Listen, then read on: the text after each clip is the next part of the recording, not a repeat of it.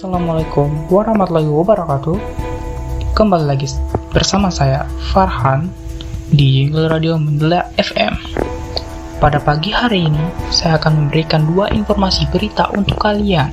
Yang di mana pada informasi pertama mengenai Bupati Kepulauan Mentawai minta warga awasi peredaran miras di pemukiman.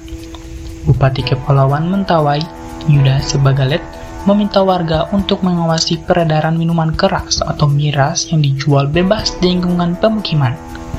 Dan warga Kabupaten Mentawai tewas diduga usai mengonsumsi miras yang dibeli di warung kelontongan.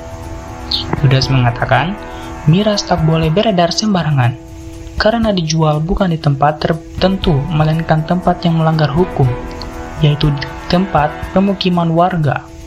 Jika terbukti ada warung, kios, dan toko penjual miras legal secara enceran kepada halayak umum di wilayah Mentawai.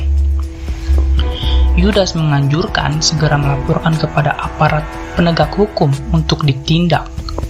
Yudas khawatir peredaran miras yang mudah diperboleh beli itu dikonsumsi kaulah muda. Maka, perlu peran keluarga dan pendidik agar anak-anak tidak terjerumus menikmati miras.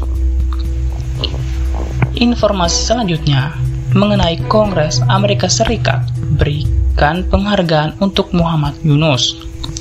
Ekonomi kerakyatan dari Bangladesh Muhammad Yunus dianugerahi penghargaan tertinggi di Kongres Amerika Serikat. Pendiri Grameen Bank itu diganjar medali emas Kongres Amerika Serikat.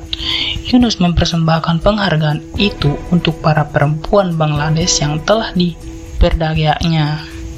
Yunus mengatakan penerima penghargaan tersebut bukan untuk pribadi, namun untuk semua perempuan yang meyakinkan untuk bisa memperdayakan diri mereka sendiri. Oke, itulah dia informasi pada pagi hari ini. Saya Farhan dari Jingle Radio Mandala FM. Pamit. Assalamualaikum warahmatullahi wabarakatuh.